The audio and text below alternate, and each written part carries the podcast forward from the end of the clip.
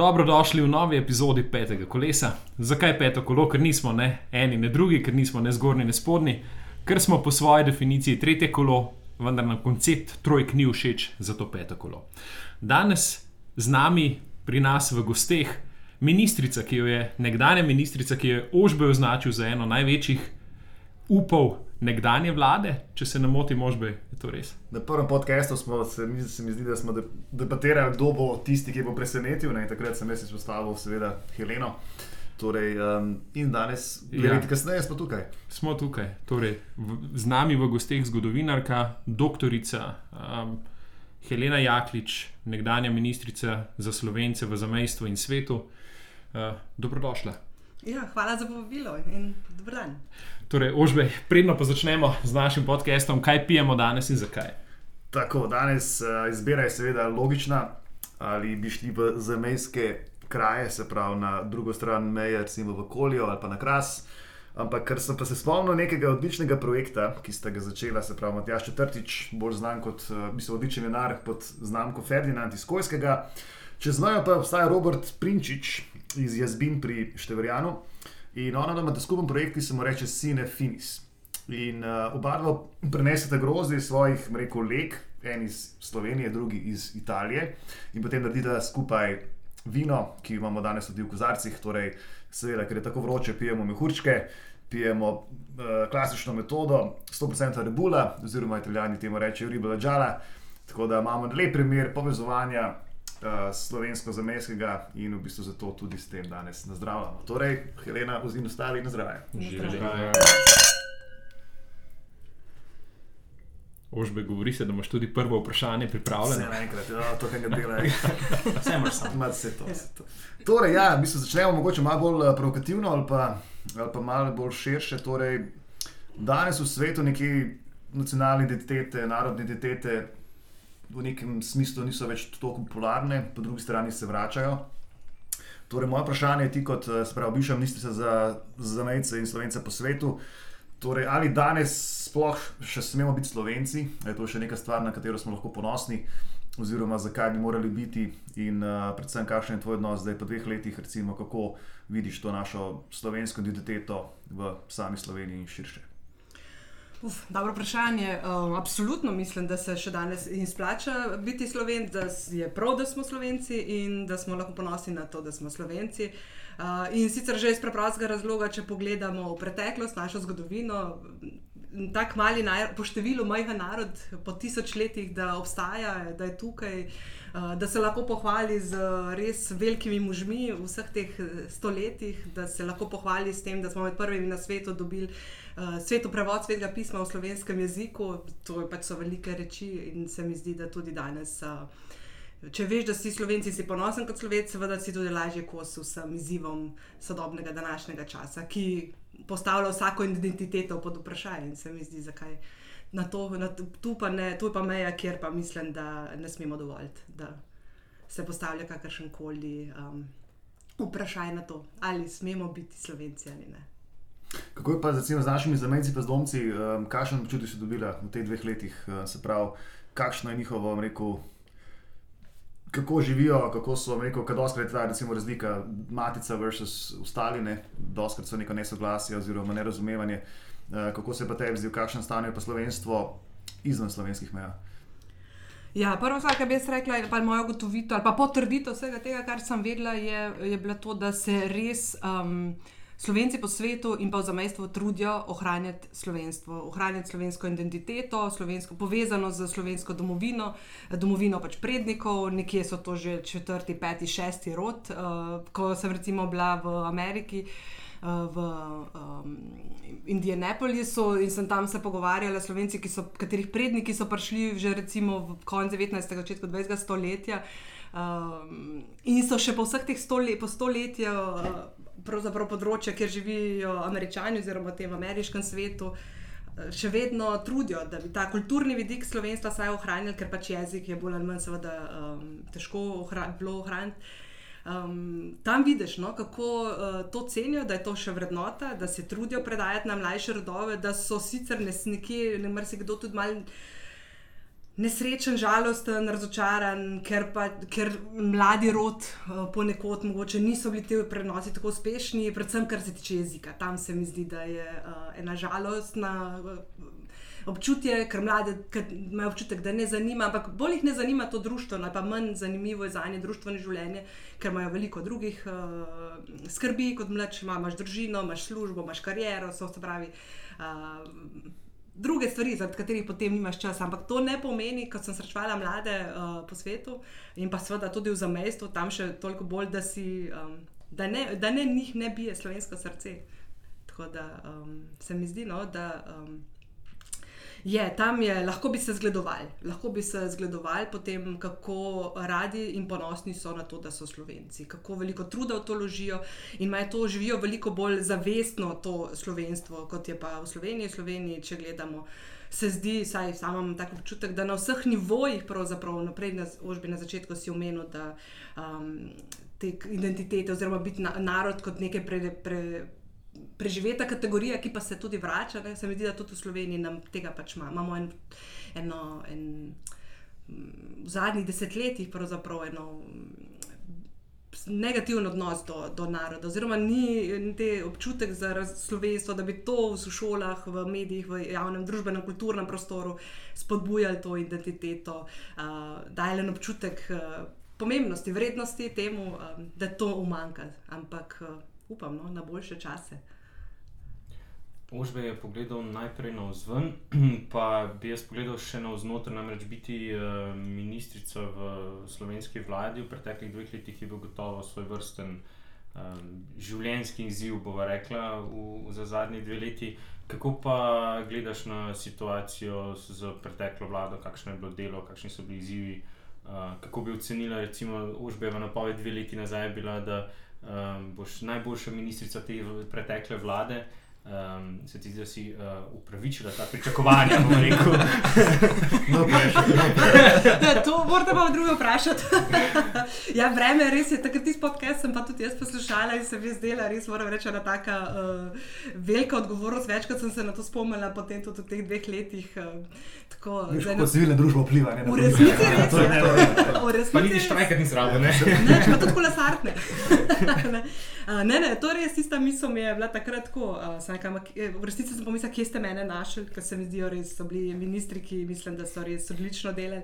Uh, da je celotna vlada res v najbolj norih razmerah delala dobro, da so tudi vsak minister trudil se uh, na svoj način um, dati vse od sebe za, bom rekel, kar dobrobit Slovenije. No? Tako da ta trud je bil zelo močan. Uh, sama, zdaj, se pravim, zdaj sama sebe težko hvalim po dveh letih, uh, trudila sem se na polno, zdi se mi, glede na odzivi, uh, da nikoli mi je uspevalo, zdaj, predvsem verjetno tudi uh, zato, ker. Um, teh dveh letih COVID-a in vsega tega, ko so bile omejitve, sem se verjetno mogoče ali pa še malo bolj trudila biti z našimi slovenci za mesto in po svetu. Tako da ta napor, boh ve, če bi ga tako veliko vložila v enih normalnih okoliščinah, mogoče tudi glede na to, da mi je tema blizu, da imam rada uh, vse, kar je slovenskega, da mi je pač blizu ta slovenska identiteta. Uh, Um, ampak um, res, verjetno pa ta, ta epidemija je spodbudila več stikov, več uh, iskanja različnih načinov, kako biti tam, predvsem pa zelo močan trud, um, da bi naše področje, oziroma to slovence za mesto in po svetu, bili bolj vidni tudi v pač vse, kar počnejo in ta skrb za njih, eh, ne samo vidni zunaj slovenskih meja naše države, ampak v resnici tudi v Sloveniji. Da, ali mi je pa uspelo ali ne, pa se pravi. to je pa vprašanje za, uh, za milijon dolarjev za nekoga drugega. Zdaj, če je bilo veliko stikov v času COVID-a, ko ne bi bilo malo stikov, uh, dejansko ste, ste takrat, ko, ko je cel svet divjal za, za maskami, za respiratorji in tako naprej, je prišlo do, do kakšnih kontaktov tudi v tej smeri? Za... Absolutno. Absolutno. In če kdorkoli takrat, zdaj, ko poslušam recimo to, kako napadajo ministra Počevalška in iščejo vse načine, takšne in drugačne, kako, ali je takrat presegel svoje pooblastila ali ne. Takrat smo vsi, ampak res čisto vsi, uh, iskali različne stike um, z vsemi možnimi kontakti, kje bi lahko dobil maske, ker jih nisi dobil. To, to, to je nepredstavljivo. Takrat res ni bilo nikjer, nisi dobil ničesar. Ne samo mask, govorim tudi o respiratorjih, recimo, pač vsega, kar je bilo potrebno. Um, tako da takrat, recimo, sem tudi sama, ne samo, da smo poslali pismo um, z urada.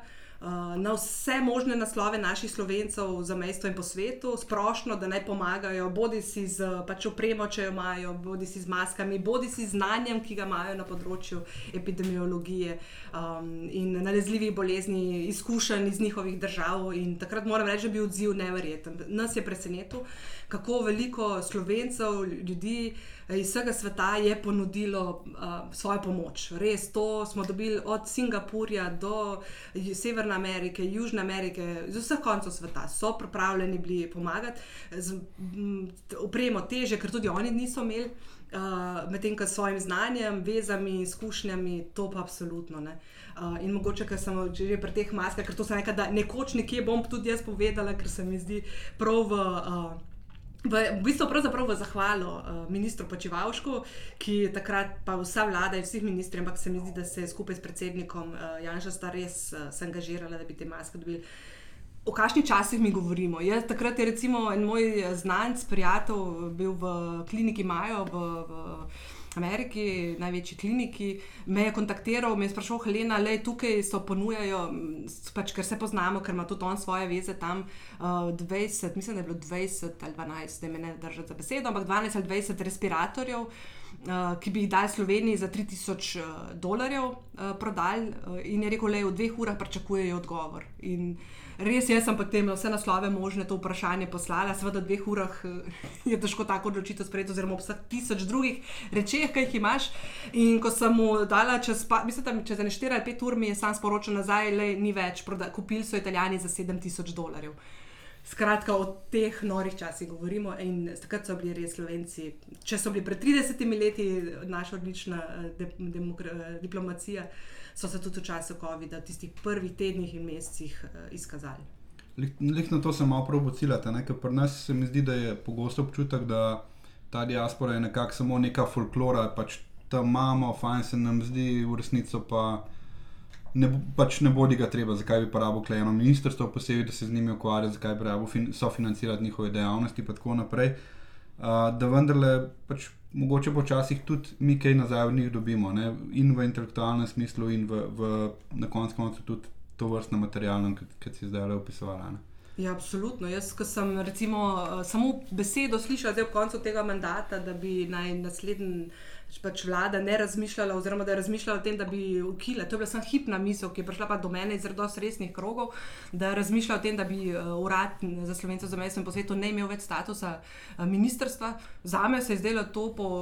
Pravzaprav rekla na žalitev, na nespoštovanje slovencev za mesto in po svetu. In sem seveda tudi po svojih kanalih, takoj tam, kjer se mi zdelo dobro in prav, re, povedala, da pač treba to ne more biti. To, to, to, glede na to, kako so naši slovenci po svetu in pa tudi. Vedno rečem za mesto in po svetu, zato ker se mi zdi prav, ker tudi to ne loči, mrsikdaj ne, lo, ne ločijo ljudje, a ne da za mejci so eno, svet, slovenci po svetu so drugo, da za mejci so tisti, ki živijo v bistvu že stoletja na narodnem ozemlju, um, našem slovenskem narodnem ozemlju in je samo pač meja zaradi različnih zgodovinskih razlogov uh, prišla med nas. Uh, potem, ko slovenci po svetu so pa tisti, ki so se odselili različnih razlogov v zadnjih 100-150 letih po svetu. Uh, ravno ko je bila ministr, že mi nova ministrica, sem jo slišala enkrat reči, ko je govorila, o, da bodo njihova skrb za, za mejce po svetu. Tako hoče, da to se mi zdi čisto na mesto pojasnilo, kaj so eni in kaj so drugi. Uh, in... Čeprav obstajajo tudi zamejci, ki so šli po svetu, verjetno. So šli tudi ja, zamejci po svetu. Če smo zdaj, če smo zdaj striktni. Ja, ja, vsi so za mejo. To je, to je res, no. ampak še vedno so, ampak potem pa Slovenci postanejo, spremenijo ja. Slovenci po svetu, da ne begamo zdaj naših poslušalcev. Tukaj se mi zdi, da res naša šola ne naredi dovolj. Um, ampak ja, res so, oni so. Um, Kot pravim, sem prej omenila 30 leti, takrat mislim, predstavljam si danes po 30 letih vprašanje, kako ali bi bila Slovenija mednarodno priznana, ali bi bila tako hitro priznana, če ne bi naši Slovenci takrat napel vse svoje moči. Mi si sploh ne predstavljamo, kaj to pomeni. Takrat ni bilo interneta, takrat nisi ti zlahka sam neki poslov na neko, um, rekla, en mail, ki si mu dal kopijo tisočih naslovov, ampak je bilo treba vsak naslov posebej napisati. In oni so pošiljali tisoče pisem um, svojim oblastem v državah, kjer so živeli. Uh, skratka, res aktivirati telefoni, tudi finančna podpora, vse ni, ni da ni, zato da imamo danes. Ne? In danes so točno to. Imamo intelektualce, uspešne gospodarstvenike, uspešne na področju kulture, imamo um, pod, pravzaprav na vseh področjih no, zelo, zelo uspešne slovence. Kakšen pa je ta vpliv zdaj, mogoče čez to govorjenje, pa tudi v bistvu tem, kar so vse naredili za nas, se nekako čuti, da, da često oziroma pogosto krat v Sloveniji nagovarjamo za mejce in, in izseljence oziroma diasporo, takrat, ko jih potrebujemo. Eh, takrat, ko pa gre za neke mirne čase, pa, pa se na njih kar malo preveč pozabi, in, in mnogi izmed teh ljudi so ravno zaradi tega užaljeni. Uh, kako se pa čuti ta drugi vpliv, oziroma kako se čuti ta njihov neposredni vpliv v, bom rekel, v slovenskem vsakdanjem političnem življenju ali pa v, v sprejemanju nekih ključnih odločitev. Če zdaj mogoče skočim na prvo vlado, takrat sta bila, imela veliko vpliv dva, ki sta v bistvu živela v tujini. En je bil Bernik, drugi je bil Marko Kremžar, uh, ki sta bila svetovalca prve vlade, če se ne motim. Uh, Eh, kako je zdaj s tem? Znamo te ljudi potegniti navznoter, da tudi prezračimo mogoče to, kdaj zatohlo slovensko mišljenje ali pa določene poglede na stvari, ali je tega še vendarle premalo. Jaz mislim, da izkoristili bi lahko še več, kot izkoriščamo. Mogoče najprej sta bila res takrat Marko Kremžar in gospod Jože Bernik sta bila res uh, tudi dala svoje znanje, razpolago, pa še bi se verjetno dalo, marsikaj še ga našteta. Točno to res je imen. Širok spektr, ne bi zdaj sam njih izpostavil, če dali. Pa recimo, ta, da ste mi prišla na, na misel. Zelo, recimo, vse v prejšnji vladi, ko je bila, mislim, naši vladi, ko je bil recimo, svet za digitalizacijo, je bil vključen med drugim recimo Jure Leskovc eh, tudi. Ne. Ja, ne, pa ne pozabimo na Angeliko Mlinar. Pa, pa Angeliko Mlinar, ki, ja, ki je bila pač eh, kot eh, ministrica za kohezijo. Ne. Skratka, um, jaz mislim, da mi premalo kot država, premalo, da res, kad, samo kadar res uh, je nekaj kritičnega, takrat se naj ne spomnimo. Ne. Uh, več bi jih morali in imamo že v sosednjih državah. Ne. Imamo veliko tega. Nekaj mogoče izhaja to mišljenje iz tega primera Južne Tirolske in Avstrije. Mm. Še pred Evropsko unijo vem, da je bila Južna Tirolska neka posebna carinska cona, ki je brez posebnih dajatov ali pa tarif v bistvu izvažala te svoje zadeve v, v Avstrijo, v bistvu v Matico in na podlagi tega so oni tudi omogočili preživetje tej skupnosti oziroma eh, preživetje tem ljudem tam. Vse vemo, vemo kako ponovadi pragmatično svet deluje, da če imaš ti neko ekonomsko podstat, lahko tudi razvijaš vse ostale podstati. In, uh, ja, in mogoče kaj v tem smislu razmišljati. Ne, ne se zato, recimo, ravno v prejšnjem, uh, recimo, smo točno to hoteli odkrepiti, malo bolj uh, to zamejski gospodarski prostor. Ker če ti nimaš gospodarske osnove, na kateri ti pomaga, potem je to drugo. Ne moreš se iti kulture, ali pa veliko teže, kot pa če si tudi uspešen gospodarstvenik in tako ne, in skala načine kako to povezati. Južna Tirolska je mogoče v tem smislu drugačna, ker tam je pač so Nemci v večini. Seveda, in je potem veliko primer, lažje stvari sprejemati, ker nimaš tega nasprotovanja, kot recimo, če bi tako ukrep zelo tehtaš ukrepe, ko jih sprejemaš recimo za uh, Slovence v Italiji, ne, ker uh, da ne bi. Posp- njihovega položaja ali pa njihov odnos do tega večinskega prebivalstva, ki že tako je bil dolga desetletja in še danes ni uh, v vseh tistih pozitiven. Ne. Um, kako je pa s tem, kot se pravi, ne, v bistvu, ko, ali lahko, eh, da to pravilno zadefiniram. Um, Slovenci smo tukaj v Sloveniji do neke mere razdeljeni. Ne? In potem, koliko od tega Slovenci, ko so v zamestju ali v zdomstvu, koliko te razdeljenosti pustijo za sabo in kako se ta razdeljenost leče naprej. Ne? Imamo pač jasno v, v italijanski, mislim, v manjšini imamo to neko dvojino, podobno na Koroškem. Um, se pravi, kako pa čutiš to v smislu, pač, ja, kako je pa te enotnosti v smislu slovenstva v zuni, ali je to, pač, mm. ali je, tam neko, je to samo neka replika matice v smislu mindseta? E, reka, da delkrat eh, so od Slovenije manj tega vpliva. Bolj bližji so Sloveniji, bolj je močan ta uh, to deli, tudi vendarle to razumevanje. To so podvojene organizacije. No, ja, ampak je treba tudi upoštevati, pa po drugi svetovni vojni ne, je res takratna Jugoslavija in Slovenija zelo, bom rekla, delala. Uh, načrtno in tudi finančno uh, to, to delitev. Ne? Da tudi med slovenci, ki so živeli zunaj Slovenije, tako za mesto, uh, je bilo res vrščas in po svetu zelo spodbujali to, reka, to um, negativen odnos do slovencev, recimo po svetu, tisti, ki so prišli po vojni. Uh, so se zelo trudili, mislim, so spod, Slovence, ki so bili pred vojno, migracije, recimo tako finančne in vse drugačne oblike, um, ta razkol med njimi načrtno pelala. To, to se pozna, se šele po 90. Let, 90. letu začelo počasi nekje uh, rušiti. In isto je bilo v zamestvu. Uh, zelo močno prisotno to. Se pravi, če gledamo recimo Italijo, uh, tisti slovenci, ki so bili recimo neki bolj svetovno nazorsko, uh, rečem desni ali pa katol, katoliški ali pa ne. Uh, um, niso dobili strani slovenske, takrat jugoslovanske države oziroma Slovenske republike nobenih finančnih sredstev, ničesar ne, ampak eh, medtem ko so bili druga stran ubili, založena s tem in to zelo mrsikaj še tudi, če beremo, recimo, rada pezdirja, kaj vse se je delalo ne, tam. Uh, ampak se mi zdi, no, da se vsaj v uh, zadnjem obdobju, pa je tukaj velik prispevek, tudi ali pa naloga ali pa obveznost matične domovine. Ne. Če mi ne delamo tega razhajanja, ki se po, drugi, po, po slovenski osamosveti še vedno kar mal pelala ta, ta delitev naše, vaše.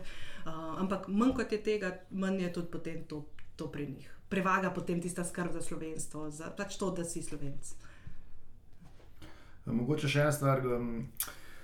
Recimo, mislim, da ta asimilacija recimo, med Ameriko in Argentino ne, je zelo drugačna. Ne, v smislu, verjetno, predvsem glede jezika, če govorimo. Ne. Um, da v bistvu, ki se v Ameriki poštane še pričajajo tam hitro za neko dediščino, medtem ko recimo Slovenci v Argentini so še vedno v bistvu se imajo doskrat za primarno Slovence v tem smislu. Um, ampak v čem je ta norost, rekel zdaj te, tega čudeža v Argentini, kot se je rekel, ne, če to mislim, da je kar malo napisal. Um, mislim, spomnim, da sem bil gorni, sem imel recimo, se pravi, ko starši in stari starši niso bili nikoli v Sloveniji, ampak njihov recimo, vnuk, ki je rojen tam, še kar govori slovensko. Pravi, mislim, ga učijo, da se pač mm. pač nauči slovensko. Torej, Odkje potepe ta recimo, neka tako nevrjetna pripadnost, um, ta neka ljubezen in, in se pravi, tako, če gledaš malo iz širše perspektive, že tako je, zakaj ne, mislim, kako se to razlagaš. Uh, ja, jaz mislim, da preprosto, da uh, razlaga kar dokaj preprosta. No. Uh, treba vedeti, da Argentino po, je ta skupnost, ki dejansko še ohranja tako močno slovenščino ali pa slovenski jezik kot pogovorni jezik. To je eh, povojna migracija. To so v bistvu leta 45, tisti, ki so leta 45 odšli iz Slovenije, uh, tri, štiri leta preživeli uh, v taboriščih v Italiji in Avstriji in tam že vzpostavili uh, resnici eno tako močno skupnost, povezano skupnost, kjer je bila skrb za uh, občutek uh, pripadnosti slovenstva, ljubezen do slovenstva, do slovenskega jezika zelo močno prisotna, mislim, zelo močno gojena. In to treba se zavedati, da takrat, 45 let, je teh, ti ljudje, ki so šli, govorimo na Koroško, okoli 6 tisoč in v, v Italijo okoli 4-5 tisoč, takih slovencev, to je šla slovenska elita, to je šla slovenska gospodarska, politična, kulturna, družbena elita. In Se pravi, tisto najbolj žlahno ali pa najboljše, kar je Slovenija imela. In to, to so oni spostavili, to skupnost potem v teh taboriščih z izjemnim šolstvom, z izjemnim kulturnim življenjem. Uh, in to so prenesli to. In to je bila ena taka en, ta element, zaradi česar so oni, ko so prišli v Argentino, bili sku, zelo skupaj. In, um, ko si ti skupaj, potem seveda to lahko skupnost 3000, 4000 ljudi, ki to skupaj živi, 5000 ljudi, ki to živi, seveda lažje ohranjati. Druga stvar, ki jih je tudi povezovala, krepila jih v tej skupnosti, da so uh, tako zelo povezani bili z Slovenijo, oziroma slovenstvom, uh, svojo slovensko identiteto, je zagotovo pač to, da je bilo v Sloveniji komunizem. Ni bilo svobode, ni bilo, bil je totalitaren režim. In so se čutili, da ohranjajo tisto Slovenijo, eh, tisto predvojno, tisto pristno, demokratično Slovenijo, mm, eh, ki so jo želeli nekoč, rekla, zdaj, če čisto domače rečem, vrniti to ne, nazaj, da bi to Slovenijo ponovno to svobodo, to pravnost, demokratično zazdihala, živela. In zaradi tega se mi zdi, da so bili to res. Um, res um, en tistih razlogov, zakaj je ta skupnost tako močno ohranila slovenski jezik. Pa mogoče še eno, če malce vem, da sem malce predolga, ampak um, še ena stvar, uh, ki je tudi zanimiva. Sama sem se ukvarjala z doktorski nalogi s preučevanjem življenja slovencev v taboriščih v Italiji in Avstriji. Uh, v tem, kar so delali tiste 3-4 leta, in kar je bilo bistvena razlika med njimi, to, kar so oni učili svoje otroke, oziroma otroke v šoli, uh, s tem, kar smo bili deležni, oziroma so bili deležni naši starši po 45 letu, je bila ta, da tam so otroke dejansko prek šole uh, in verjamem, da preko celotnega skupnosti vzgajali v tem, da so um, oni na slovensko, oziroma na svojem, so oni gospodar. In da so združni pa za skrb, skrb zraven, pa hkrati, nikoli ni bila sam pika, vi ste šefi, gospodarji, ampak vaša dožnost pa je, da skrbite drug za drugega. A ne tudi ta samozavest, ki iz tega izhaja. Pri nas smo imeli pa ravno obratno, smo imeli pa vzgojo, o, eh, da smo, oziroma to smo poslušali kot mantro, da smo narod hlapcev, narod hlapcev. To se začne po 45, tam ne, uh, nekje vcepljati v E DNK našega naroda. In seveda tudi to, če ti veš, da si, ponosen na to, kar si dediščino, seveda ohranjaš potem uh, to, kar si, veliko bolj. Um, skrbno in z tega, po mojem, danes še leže. Je pa tudi res, ne? tudi za nje bo zdaj peta generacija, bo že pa res. Uh, Se pa pozna ta upadanje znanja slovenščine, uh, pa tudi tam prihaja, do tega pa prihaja. To pa je pač njihova skrb, njihov izziv, s katerim se uh, soočajo. Ja, če skočimo bližje Sloveniji, če, če moji podatki niso napačni, je na Koroškem, je samo še 100 pripravljenih otrok, ki so pač v dvojezničnih šolah, ne, doma slišijo v bistvu slovensko govorico kot tako. Ne. Se pravi, um, tam smo ne 12 km v Buenos Airesu stran, oziroma v Bereločah, pa še kje druge, tle smo dobesedno čez mejo. Um, sploh, če govorimo še v Evropski uniji, se pravi, meje tako rekoč ni. Ne. Sine finis, bi rekli naši vinari danes. Um, torej, to pomeni, da se lahko zgodi, da gre pa voda na mlin. Torej, v bistvu, ja, kako pa gledaš na to? Ne, rekel, ne pa Benečija, ki je tako rekoč slovencev skoraj da ni več tam. Se pravi, kako gledaš pa na to našo zemljsko zgodbo? Um, ker po eni strani pa je, je pa več stricev se začne tu slovensko učiti z enega pragmatičnega vidika. Ne, da se, da, mislim, tako, nekako se stvar obrača zaradi ene druge perspektive. Čisto gospodarske, ekonomske. Ja, ja. In to je res. Na vidi se zgleda, da je slovenščina na Koroškem dobiva veljavo, s tem, ko se vedno več otrok opisuje v, v, v dvojezične šole. In je to en dober občutek, si rečeš, ha, ne. Ampak potem, ko pa vidiš, kdo se opisuje, pa je res. Ja. Tistih otrok, ki dejansko doma še govorijo je slovenščino kot njihov vsakodnevni jezik, to število res drastično upada. So v razredih, kjer so, kot so mi povedali, recimo, tudi mogoče tri ali samo štiri otrok, otroci, še, ki prihajajo iz družin, ker je slovenščina njihov ne samo materni, ampak pravzaprav tudi pač res pogovorni jezik. Medtem ko na drugi strani, seveda, prihaja pa vedno več otrok iz mešanih družin, družin iz družin, popolnoma pač nemških družin, strijskih družin, ker pač vidijo prednost v tem, da znaš uh, slovenščino. Ne? Če je bilo nekoč slovenščina nekaj, kar je bilo res nekaj um, zaničevanega, slabega. Pa zdaj vsak pač vidi, da je to eden od več jezikov, ki znaš, ki ti odpira prostor na trg, na trg ne samo na Slovenijo, ampak pravzaprav na vse slovanske svete, ne? ker slovenščino si pomagaš lahko, uh, v celotnem tem slovanskem uh, področju. Ampak glede na recimo, vse te izzive, ki si jih naštela. Um, kakšna pa je bila, recimo, da se premaknemo iz prejšnje vlade v to vlado, recimo, primo predaja, kaj je bilo tvoje, kar si položila na, sr na srce sedanjemu ministru, kaj so neki te glavni izzivi, ki ne bi jih urad uh, delal v prihodnosti, ali bi si želela, da bi jih delal v prihodnosti, mm. kljub temu, da nisi več ministrica. Oziroma je vajna primo predaja trajala tudi ura in pol, kot med Janšem in Golobom. Ali bo hojsova, ki pa še ni bilo nekaj. Ja, primo predaja so zelo različne, ja. ampak jaz moram v tem smislu pohvaliti, da je bila dostojna, kulturna, ampak vse tudi področje tako. Uh, res pa je, no, jaz moram reči, da sem si pričakovala tam, da bom dve, tri ure imela na razpolago, zato da lahko res primo vse, kar najbolj vsebinsko. In to je tudi, ker ker sem jim pač povedala, da sem si želela res vsebinsko, zato ker jaz moram reči, da vsakeč znova občudujem naše slovence v zamestju in pa svetu, ker prihajajo k njim ministri in vsakeč znova oni začnejo pripovedovati zgodbo na začetku. Ker, nobenga, ne, ker se zdi, da vedno znova.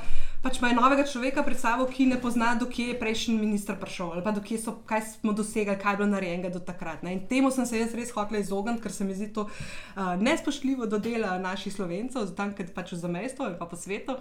Um, tako da tudi moram reči, da sem se tudi s primopredajnim poročilom zelo potrudil in kar sem položila res na roko na srce ministru, ravno to je bila ena stvar, da naj pogleda in naj skuša, če se le da nadaljevati tam, kjer smo mi končali. Zato, da ni zopet vračanje na ti začetek, ker res, jaz vam povem, prideš tja in začnejo najprej. Naše društvo je bilo ustanovljeno pred leta 1900, pa, pa jaz, jaz nekaj leta jaz to poznam, meni men danes, kje smo danes, in so bili presenečeni. Um, druga stvar pa je, da je te osebni stiki tega se mi zdi, da ni vse v denarju. Sama sem recimo na zaslišanju, svojem lastnem zaslišanju, uh, ko sem kot ministrica bila kot kandidatka, imela sem recimo takrat izjavila, uh, da pač Slovenija, mislim, da ni samo, ne sme biti Slovenija samo bankomat. In moram reči, da jaz takrat tega, kar sem rekla, nisem razumela. Zdaj, po dveh letih, razumem, kaj sem rekla. In to sem rekla ministru. Ni, ni v denarju, v resnici pa njih ni to, koliko boš denarja, da, ampak da si z njimi. In se, to je bila čisto ena druga točka. Bodite med njimi osebno, srečevanja, uh, zato da vidijo, da jih Slovenija opazuje. In tretja točka, um, da je treba okrepiti zavedanje in prisotnost Slovenc, o tem obstoju Slovencev zunaj Slovenije uh, v matični domovini. Zato da ne bomo imeli, kot je v šolah, se naše zave, uh, učenje konča in začne in, kon, začne in konča v resnici pri tem. Ali, konec 19. stoletja so Slovenci šli s trebuhom za kruhom in to je to. Ne? Ne, pa smo vrnili na to, kar smo se prej pogovarjali. Kaj vse, ki vse so Slovenci danes. Tako da to bi rekel, da so tri tiste točke, ki sem jih položil na srce, upanju, da bo ne samo moje delo, ampak v resnici ga še nagradil, še zboljšal uh, in s tem pač tudi uh, povezanost slovencev. Ker, ker si ravno omenila bankomat, tudi, tudi pri nas bankomati ne funkcionirajo tako, kot bi morali. Če se nam niso položili na račun. ja, če se nismo, zato z našim tradicionalnim segmentom ne sponzorji. Martin, kdo danes naši ne sponzorji? oziroma kdo so danes naši nesponzorji, oziroma kdo danes naši sponzorji niso. Oziroma, oziroma Pokerface in tečaj obrazne mimike, Marta Kos, SP, izrazni ples, Urška, Klakočar, Zupančič, zamenjava stališč Bruselska potovalna agencija Šarec DOO, varne hiše Amber Heard in Nina Krajnik DOO. Uh, Slovenija bo druga Švica, sporoča iz Švice, Marta Kos, ter na koncu vlagam kumarice, papriko, peso in referendume, kombinat SDS. Zahvaljujemo se vsem našim ne sponzorjem, uh, ter se, upamo, da nas bodo podpirali tudi v prihodnje. Uh, sedaj pa, če smo obdelali uh, temo, recimo temu tvojega dela, uh, pa še mogoče aktualno politični pogled, uh, kako pa doživljaš sedaj to menjavo um, vlade, trenutno dogajanje in tako naprej. Uh, Smešamo postopati, kako naj nazaj. Lahko. Hvala.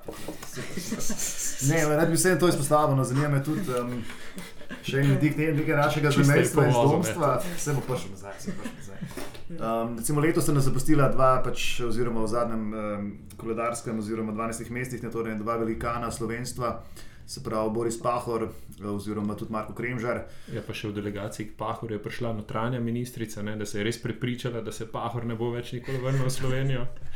Malce sarkazma, mora biti. Uh, in, in v bistvu zanima me, kako, kako je pa recimo s tem. Intelektualnimi jedri našega zemljstva in zdomstva, po tvoje. Torej, imeli smo velikih rekel, mislecov, umov, ne, od Komarja, neko Dolinarja, Ruda Jučec, če hočemo, ne, uh, recimo v Argentini. Potem, zdaj, koliko koliko je, ja, Francija, zdaj se ga nekako ubijajo od smrti. um, torej, recimo, koliko je pa po tvoje zdaj še tega lokarja, recimo, tudi prekratko umrl, ne se pravi, ta starš. Mm. Potem um, se pravi, koliko je recimo, tega zdaj po tvoje še v zuni tega intelekta. Uh, mi se dosti, recimo, mislim, Martin Sušnik ne prije več mm. v Slovenijo, mm. nekako nek dedič, uh, recimo, rekel, zdaj komarjeve šole. Um, ja, kako po tvoje pač pa ta intelektualna neko intelektualni domet za mestva in, in zlomstva, recimo v primerjavi s prej ali pa koliko je živahno mm. danes. No. Mm. Ja, zagotovo smo imeli, tako, mislim, tako za mestvo kot svet, so imeli res izjemne imena. To je nekaj ne, nepredstavljivega. Da take male skupnosti so dale velike imena, še Zorko Simčiče lahko tukaj omenimo, mm. tudi kot, ne samo kot starost, ampak tudi eh, enega od teh velikanov.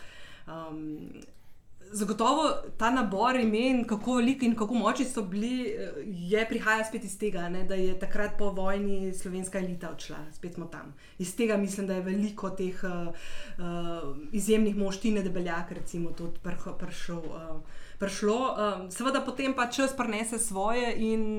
Če so prej bili lahko od teh, recimo, 4000, 5000, bilo to res večina ljudi, ki so bili um, v tistem vrhu se tudi tam v neki prej se izpostavlja Gausovo krivuljo, ker je pač to naravna zakonitost, drugačne gre. Uh, tudi pri nas je tako, oziroma pri nas se mi zdi, da Gausovo krivuljo. Prejšnji sistem, uh, ki se vleče še v današnje čase, priva krmačkan bolj trebušče v zgornji, bolj. Uh, Bolj v tisti minus, bolj na levo. ja, hvala. Uh, ka, tako da dejansko so posamezniki še danes tudi, absolutno so, v mlajših generacijah tudi. Uh, recimo, če za mesto sam pogledamo, imamo pač mlajše, recimo Ivo in Trst, recimo tam, če pogledamo, ja, recimo Jevnikarja. Jevnik je že neka srednja generacija. Je srednja generacija, ampak ja. recimo, da daje neko, neko prehod dela, ja. ne, na potem še mlajše generacije, Martina Sušnika se je prej omenil. Uh, zagotovo pa ni tega tako veliko številčno več, kot je bilo nekoč. In je logično, mislim, je, je razumljivo, so razlogi pač so tu jasni. Ampak jaz upam, uh, da kljub temu um, da bodo še vznikali, se še uh, krepili. In, ker skupnost pa to, pot- se mi zdi, da vsaka skupnost pa to rabi, tako kot naša država potrebuje. Uh, in bi potrebovala te velike, velikanje, mislece, širino, globino, jih tudi uh, slovenske skupnosti potrebujejo. Zato, da dejansko ne postane vsa stvar samo na neki ravni še folklore, uh, ampak nečesa glob večjega. No, še prej na besedo o Nahtigalu. Uh, torej, eh, še tu, mislim, da smo v tem istem rekel, konceptu, ne, kako vidiš prihodnost drage, ne, ki je v bistvu se desetletja se odvija ne, in je Mm. pač neke vrste bil. Um, Neke vrste bil nek skupek, Mm. oziroma cvet. tam je zorela, tudi v bistvu nadaljevala. Mislim, Mislim, tam je šla Slovenija, slovenska, osamosvojitev in potem od tam nekje odskočile se v Slovenijo. Kako vidiš pa, na, pač, ja, nek razvoj tega, recimo, drage kot nekega Mm. intelektualnega jedra za naprej? Je A po pravici? Ja. Ja, meni se, Obstaja Ja. še kaj drugega? ja, ne vem, včasih se da tudi kaj bolj tako, politično korektno reči. ne, se mi je zdelo, mislim, njihova vloga, drage, je bila izjemna, kar se tiče sploh eh, ravno te misli uh, o slovenski državi in sploh pretresanju uh, totalitarnega sistema, kot smo ga imeli in tega um, učenja, ali pa tam si lahko slišal, kaj pomeni živeti uh, demokratični, svobodni svet. In pred leti, moram reči, ko sem kar redno obiskoval, ker se mi je zdelo, da se počasi malo izteka doba, um, doba drage. Uh, tako v tem smislu, da ni več tistih perečih tem, ki bi kot država Slovenija ali pa kot potrebovali, ki bi bila za nas tudi zanimiva, recimo za matično domenijo, ker tam dejansko je bila eh, prostor za nas zelo velik. eh, eh, Te, tega govora, ampak glede na to, kar se dogaja v Sloveniji, kar gledamo, recimo tudi zdaj, se mi zdi, da je še kako potrebna in da bo še bolj potrebna. Da očitno bo treba imeti zopet en prostor, eh, kjer in to draga, vedno je bila prostor nekega svobodnega uh, izražanja, ker boš lahko povedal, kaj misliš. Ne samo to, ampak tudi raz, boš lahko de- razmišljal tudi kot demokrat in uh, kot um, uh, narodnjak. a ne. Torej, a še kaj? Ne, ne, dej. Zih, da je Ja. pogled na list. še- meni je všeč, da je to kaj? tema slovenska tako blizu. Lahko, lahko preden gremo na Ja, vlado. Ja, da je to, ja, to. Rekla si rekla, da, da pač ni bistvo v tem, da je Slovenija zgolj bankomat tem skupnosti, oziroma tej skupnosti. Um, včasih pride tudi do situacij, ko bi bilo pa fajn, da je še kaj drugega, kot samo to, da priješ do njih, jih pobožaš, da imajo občutek, da, Mm. da se jih spomnimo. Kot je na primeru Venezuele, a ne okrog Mm. tisoč slovencev naj bi tam živeli. Um, ki so se znašli v zelo težki situaciji, je Odvisno, če ste občutek, poslušali pred parimi leti, Violeto Tomič, je bil to raj na zemlji, kamor bi si vsi želeli iti. Da- Seveda, jaz ne vem, zakaj niso tudi oni s predsednikovim avionom prišli k nam, ne, recimo. Ja. Uh, ampak uh, tukaj me zanima, ne, nekako je bil feeling, da, da Slovenija ni, ni znala um, tem ljudem pomagati. Ali se motim? Uh, a prej ali zdaj? Pa da- Ker pač trenutno v zadnjih dveh letih. Ti, uh, ti lahko najbolj, najbolj Ja. suvereno o svojem mandatu Ja, ja. pač govoriš, Ja, a ne, ja. kako je to zdaj. Mislim, jaz bom drugače kot kuj. Ja, seveda ni samo besede, fajn je seveda in prav je, da je tudi finančna podpora. Ampak v letih Ne samo bilo- finančno, tudi, tudi kar se tiče Mislim, zdaj govorim na splošno, mogočega govorim prihoda nazaj v Slovenijo. Ja, ja. Ne, Zdaj pa, govorim um, na splošno o tem, da je oboje mora biti. Ne? Če je bilo prej v prejšnjih desetletjih bolj podarjeno, da pač nekaj dal denarja in to je bilo to, uh, da smo zdaj res pokazali, da je treba tudi ta oseben stik gojiti.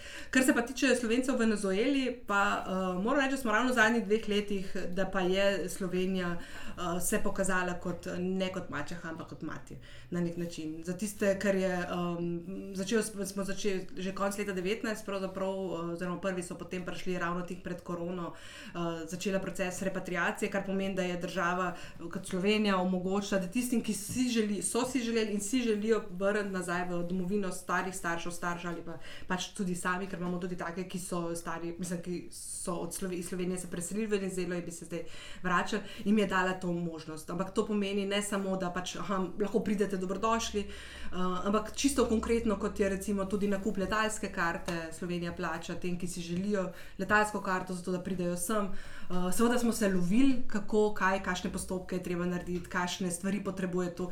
Tudi zakon, uh, ki pač obravnava slovencev za me, pač zunaj Slovenije, je že repatriacijo predvidel, takrat, ko je bil narejen, zdaj skozi prakso se je tudi pokazalo, da uh, kakšne stvari je treba še dodatno definirati bolj natančno, kar se tiče zavarovanja, kar se tiče bivanja in tako, ampak to pride s prakso. Če dokler ti ničesar ne izvajaš, tudi ne veš, kje so pomankljivosti zakona.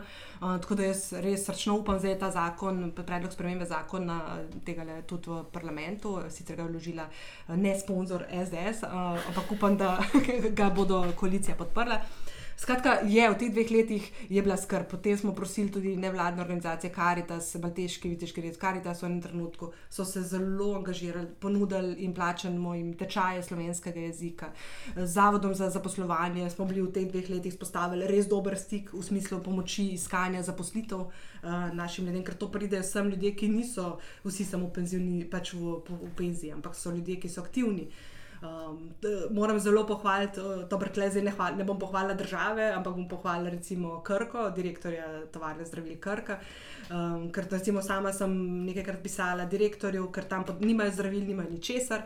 In sem pisala uh, gospodu uh, Coloriču, če lahko pomagajo krka zdravili, in moram reči, odgovor je prišel praktično vsak dan v nekaj urah, in naslednji dan je čakal paket, ki je šel potem recimo v Venezuelo. Bi bil fajn za predsednika vlade.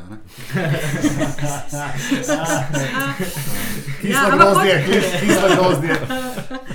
Ja, ne, pa hočem reči, da se tle v zadnjih dveh letih pa res mislim, da uh, je skušala Slovenija pokazati. Da znamo pristopiti in dati eno podporo rojakom, tisti, ki so v največji bedi in to našo podporo potrebujemo.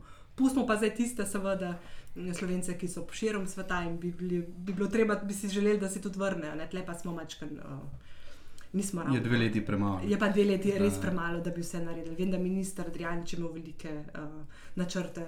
Uh, tudi mi smo se kar no, skušali. Uh, moram reči, da smo na uradu, recimo v zadnjih dveh letih, uh, tudi za prej urad se ni ukvarjal z novodobnimi seljenci, ampak pravzaprav samo pa s temi tradicionalnimi skupnostmi in smo ravno tako um, eno sodelovko prav s tem namenom uh, pridobili, da je zdaj to področje tudi postalo močnejše zastopano.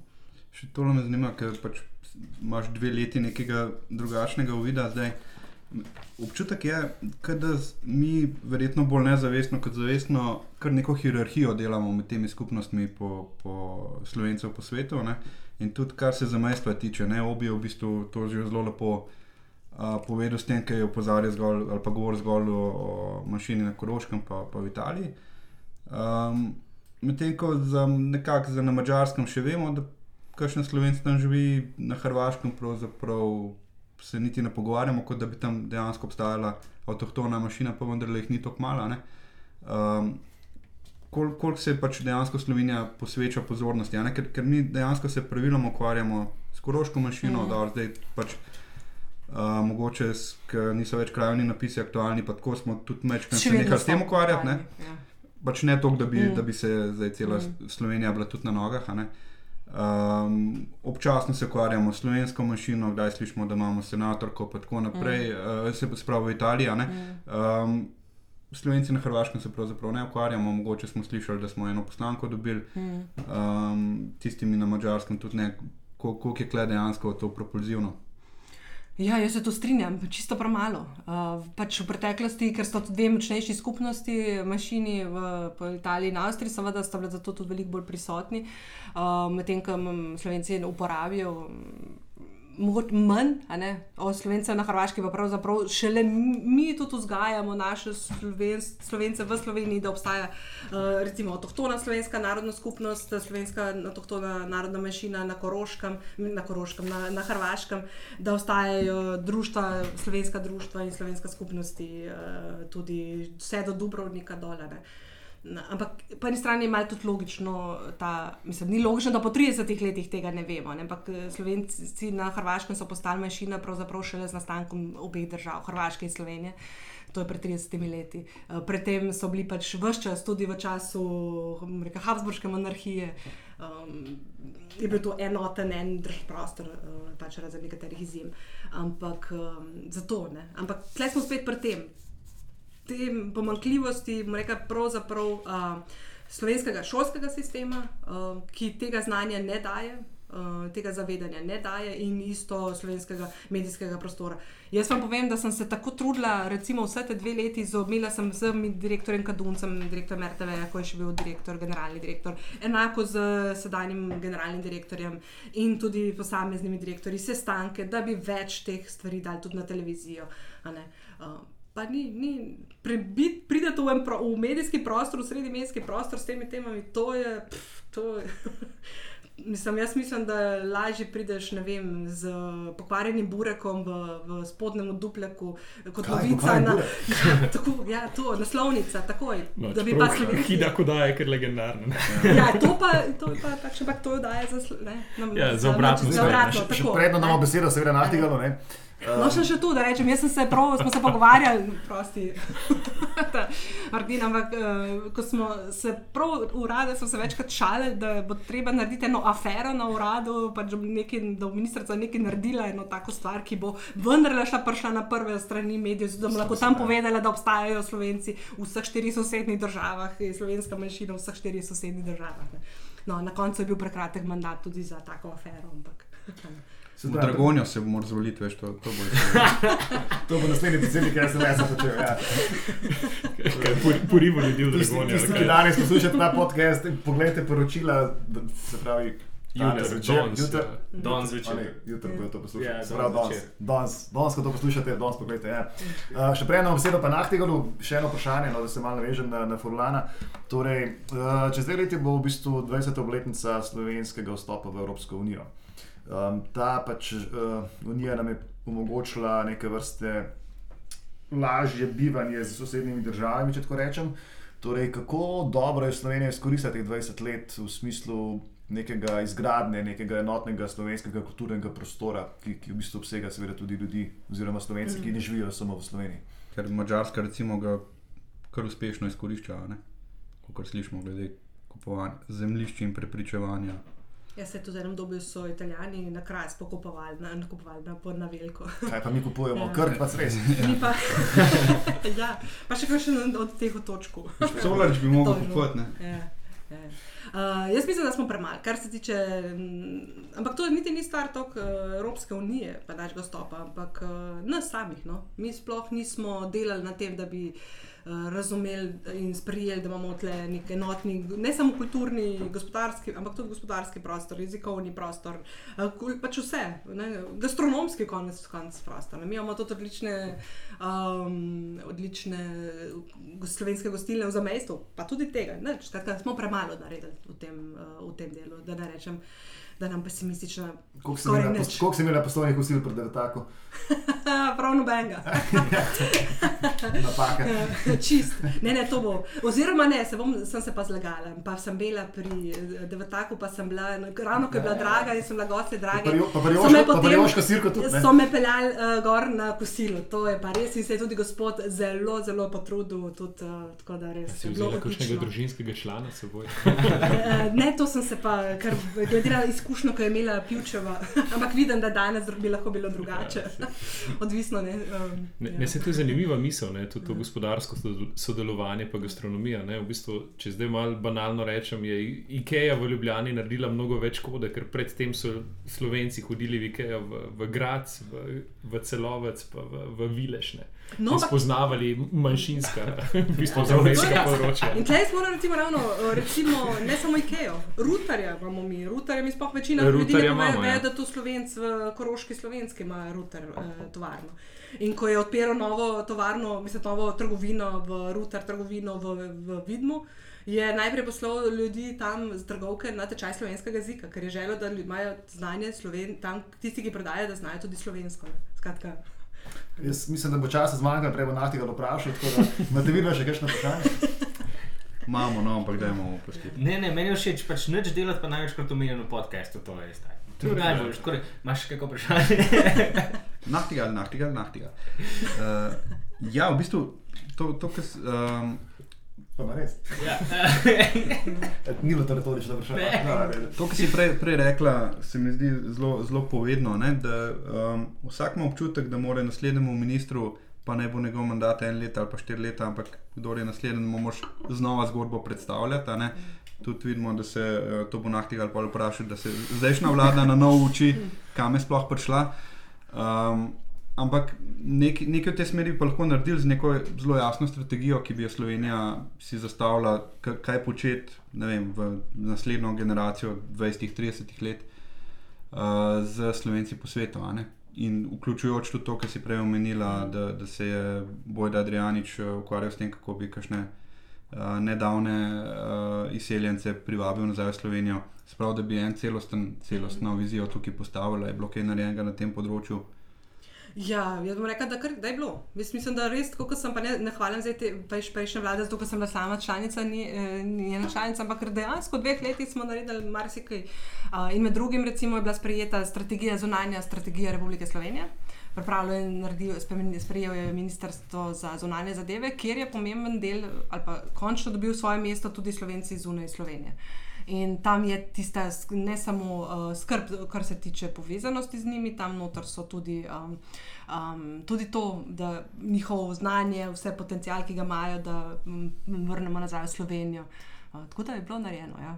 Nekaj. Ampak hočem reči, spravi, zdaj pa, treba, zdaj pa čakam, no, da bo nova vlada, kdaj, bo, kdaj bodo najavili, da bodo spremenili zonalno strategijo uh, Slovenije, ker se jim mogoče zdi, bo zdela preveč proevropska ali pa preveč proslovenska. Se morda vsaj za tvojega zanamca Ja. obstaja upanje, ker je bil vendarle župan na, na področju, ki je verjetno precej sodelovalo tudi z našim zamestvom, da nekaj tega upogleda pa vendarle ima. Ja, ja, jaz zato sem bila, ko sem slišala, kdo bi naj postal minister. Sem, moram reči, da sem se vdahnila, no, ker so se pojavila tudi druga imena. Ki, mm, on pa vendarle prihaja iz Gorice, Nove Gorice in uh, mu, mu to ni tuje. In si predstavljam, da mu je tudi blizu in da bo lahko delal na tem področju.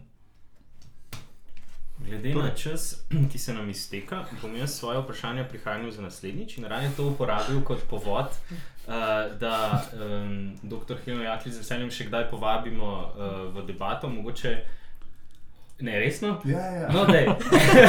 Zdaj se začne že tako kot en, kot en tak zaključek. Ne, v bistvu imam samo kratko vprašanje. Ne. Um, Ampak kaj, jaz za, vseeno še nisem do konca spila. tako da- kaj za vraga boš pa Ja. počela zdaj, ne, kot članica uh, fašistične vlade, nekdanje fašistične vlade? Torej, kaj pa zdaj dr. dr. Helena Jaklič počela v prihodnosti? Ja, najprej se bom skušala uh, defaši- defašizirati, defašizirati. Tako. in- V bistvu se in podobno. poškodbo rame, se ni zaradi Tako, držanja roke na vzgor. ne. Tako je, ja, ne. mislim, res je. Zakaj sem jaz te, iz- mislim, joj, ko sem poslušala te o, karakteristike vlade, ker pač potem kaže na to, da ljudje ne poznajo, kaj je fašizem. Prva stvar, eh, drugič, da so za me bilo vsakič, ko so to vlado označili za fašistično, uh, žalili vso prestano trpljenje slovencev na primorskem pod fašizmom. Uh, in bi rekla, da zdaj, če smo želeli karakteristike fašizma, uh, bi, prej, bi lahko zdaj le začela kljukati počasi. Ne, kaj se vse dogaja. Ampak pustimo, ša, mislim, pustimo to za drugič. Um, kaj bo zdaj? Ja, nič, vračam se nazaj na Ministrstvo za kulturo. Um, tako da od tam, tam sem področje knjige. Um, moram reči, da imam že polno idej, tudi kako bi lahko Ministrstvo za kulturo bolj ukrepilo uh, to povezano s slovenci za mesto in po svetu. Uh, seveda pa se veselim tega, kar mi je prej zmanjkovalo v teh dveh letih časa, pa ne samo zmanjkovalo časa, seveda kot minister moraš vendarle tudi biti malo bolj. Um, Um, skratka, ne, veselim se komentarjev, no, ki sem jih v preteklosti že pisala, in s, kjer lahko uh, tudi te politi aktualno politične, družbene komentarje pišeš in tudi kaj uh, Kje poveš. te, kje te bomo lahko brali? Uh, ja, trenutno še enkrat so slovenski čas držini, um, potem pa v zavezi. Uh, tako da, pa jaz upam, da še kje, zato ker se mi zdi, da um, vsi, ki lahko pišejo, vsi, ki lahko kaj rečejo, vsi, ki lahko karkoli, vsak nov je poklican, da v teh časih, ki se nam obeta in se Še dobro je nakazuje, pa, da moramo kaj reči. Še dobro je pa, da Nahtigal ne more veliko govoriti. ne. Ne, jaz pa glih to sem vesela, moram prav pohvaliti njegove tvite, komentarje, ki jih sem jih zasledovala. Um, tudi, na, tudi pa, ko je vodil nekatere oddaje, sem spraševal, sem, moram pohvaliti. No. Tako da Potrebujemo, potreb, ne, če ste vi pred dvema letoma meni hvalili, vračam zdaj nazaj in pa lagamo za Ja, se naprej. se nekaj naučila od te vlade. Ja, ne rabimo. Veste, koliko sem jaz srečala ljudi, ki so rekli, joj, sej bi vi tu, ta ne se dobro delate, se strinjamo se z vami, ampak ko človek reče, ja, pa tu vi v vašem krogu kaj poveste, ja, tam so pa raje vsi malo bolj previdni, zadržani in tiho. Ne. Um, tako da se mi zdi, da potrebujemo mlajšo, aktivno mlajšo generacijo, ki se ne boji. Tako Pa, pa malo konkurence na družino. Ne? Nekateri Ja, drugi vse kolumnisti. isti kolumnisti. ne? Ja, se je res, se tudi ožbi tam piše. Kaj, ne, Ja, ne. saj to. No, za poslušalce, Torej. ki tega ne vedo. Torej, za poslušalke, ki tega ne gredo. Ja, predvsem to. Ja. Torej, zdaj bom v drugo probo zaključiti, ker zdaj mi je pa res manjka časa. Torej, dragi poslušalci, hvala za danes. Um, kar se mene tiče, je bil to super podcast. Uh, in upam, da se Helena kmalo spet vrne k nam v goste. Uh, seveda pa berite novice o Marku danes zvečer in berite kolumne dr. Jaklič in uh, gospoda uh, Petrleta, kjerkoli že od družine naprej se bodo pojavljale in se mi slišimo spet čez 14 dni. Srečno.